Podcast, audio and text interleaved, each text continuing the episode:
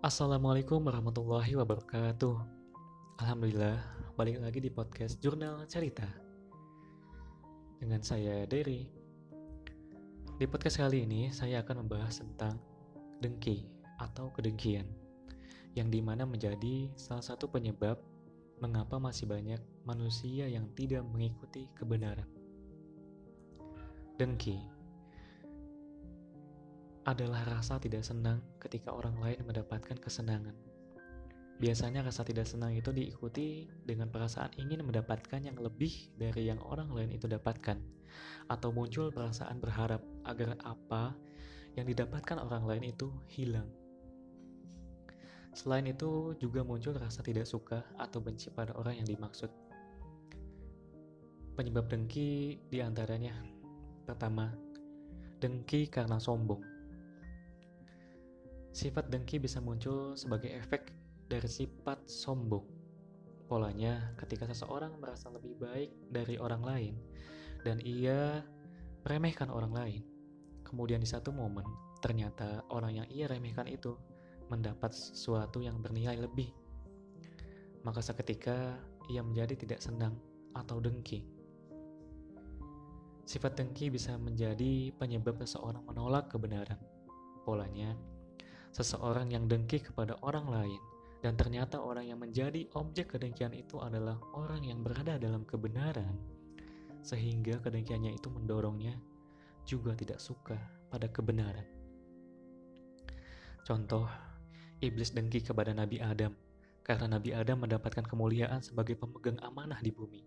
Padahal iblis merasa lebih baik dan lebih mulia dari Adam Sikap sombong iblis mendorongnya bersikap dengki kepada Nabi Adam. Karena dengkinya, iblis tidak mau mentaati perintah Allah untuk bersujud kepada Nabi Adam. Ketika Allah murka kepada iblis, iblis tidak terdorong untuk meminta maaf kepada Allah, padahal iblis tahu kemurkaan Allah itu berarti azab yang sangat besar. Tetapi karena dengki yang begitu besar kepada Nabi Adam, iblis lebih memilih dimurkai Allah daripada harus bersujud kepada Nabi Adam. Bahkan kemurkaan Allah kepada iblis itu membuat kebencian iblis kepada Nabi Adam semakin besar. Lalu penyebab kedua, dengki karena iri. Sikap dengki juga bisa muncul karena sikap iri. Secara umum, kata iri sering disamakan dengan dengki. Namun yang dimaksud di bahasan ini ada perbedaan arti antara iri dengan dengki. Makna iri lebih spesifik pada perasaan ingin mendapatkan atau memiliki apa yang didapatkan atau dimiliki orang lain. Sedangkan dengki yaitu perasaan iri yang diiringi dengan rasa tidak suka atau benci pada orangnya. Orang yang iri bisa menjadi dengki, bisa juga tidak. Hanya saja orang yang iri mudah terpancing untuk menjadi dengki Contoh iri yang tidak sampai menjadi dengki, misalnya seseorang ingin mencapai apa yang telah dicapai orang lain tanpa dia membenci orang tersebut. Dengan kata lain, ia termotivasi oleh kondisi orang lain itu. Kata iri juga sering digunakan dengan makna yang tidak negatif. Misalnya, seorang berkata, "Saya iri sama kamu yang bisa sukses." Penggunaan kata iri di sini malah bermakna pujian. Meskipun bisa tidak sampai pada tingkat dengki, iri tetap tidak diperbolehkan dalam Islam. Dalam ajaran Islam, hanya pada dua hal seseorang diperbolehkan untuk bersikap iri. Diriwayat, diriwayatkan dalam Ibnu Mas'ud, Rasulullah SAW bersabda, tidak boleh iri kecuali kepada dua orang, yaitu orang yang Allah karuniai harta lalu ia belanjakan di jalan kebenaran dan orang yang Allah karuniai hikmah ilmu agama lalu ia menunaikan dan mengajarkannya. Hadis riwayat Bukhari Muslim. Nah, sifat iri terhadap selain dua hal tersebut mudah memancing seseorang menjadi bersikap dengki. Dan sikap dengki ini bisa menghalangi seseorang dari mau menerima kebenaran. Lalu penyebab ketiga, dengki karena persaingan ada situasi-situasi di mana antar personal atau antar kelompok terjadi persaingan. Misalnya, Di tengah masyarakat ada sebagian orang yang saling bersaing dalam status sosial dan kekayaan. Di lembaga pendidikan ada sebagian siswa atau mahasiswa yang saling bersaing dalam prestasi belajar. Di lingkungan kerja ada sebagian orang yang bersaing dalam hal kinerja, karir, kontribusi, dan sebagainya. Persaingan-persaingan itu sangat berpotensi menimbulkan saling dengki pada setiap pencapaian masing-masingnya.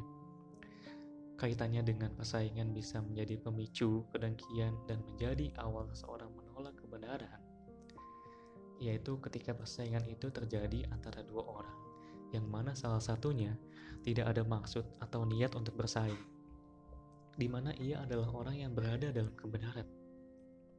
Kemudian orang yang berusaha menyaingi atau bersaing itu menolak ikut berada dalam kebenaran, hanya karena tidak mau dianggap kalah bersaing. Contoh konkretnya di masa Rasulullah Wasallam awal berdakwah di Mekah, masyarakat Mekah saat itu umumnya menolak Islam karena didorong oleh sikap fanatik, yaitu fanatik terhadap apa saja yang sudah turun-temurun dari nenek moyang atau leluhur. Sebagian lagi ditambah faktor kesombongan, terutama tokoh-tokohnya.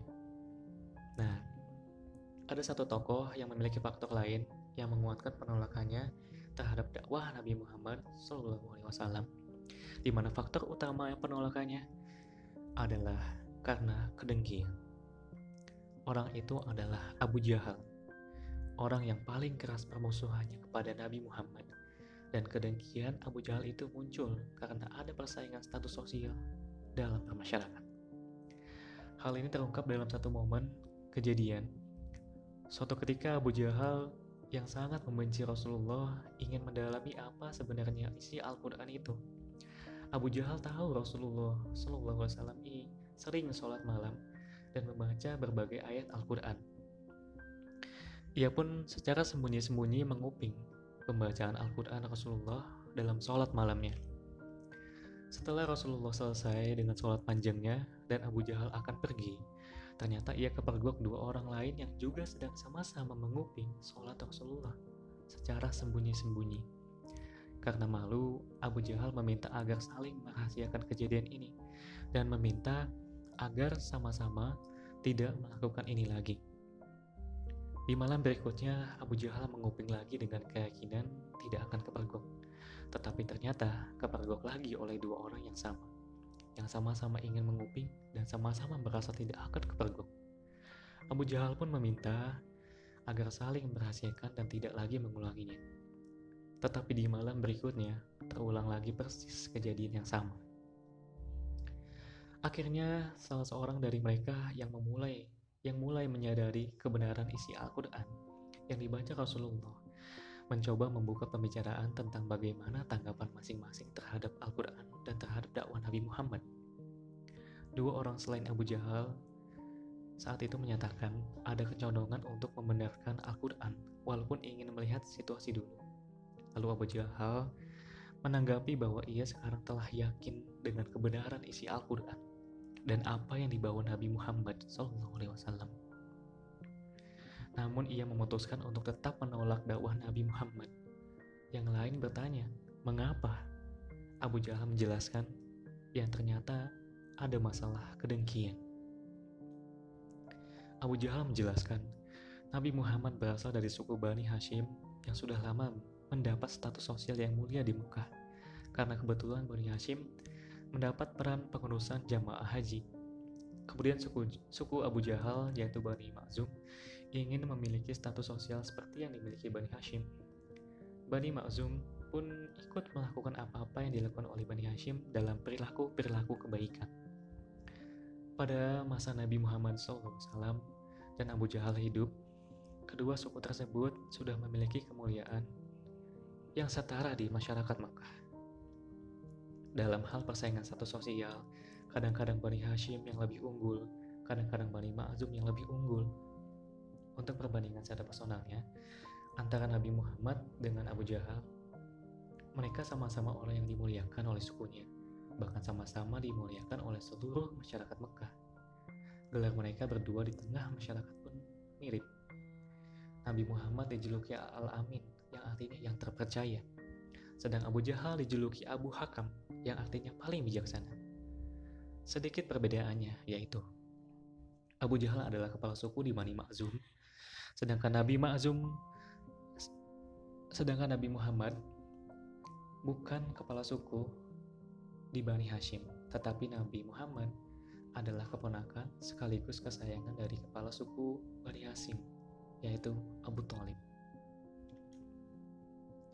Dalam situasi persaingan, status sosial yang begitu sengit, tiba-tiba dari Bani Hashim ada orang yang mengaku nabi dan diakui oleh orang-orang dari berbagai suku yang lain. Ya, Nabi Muhammad.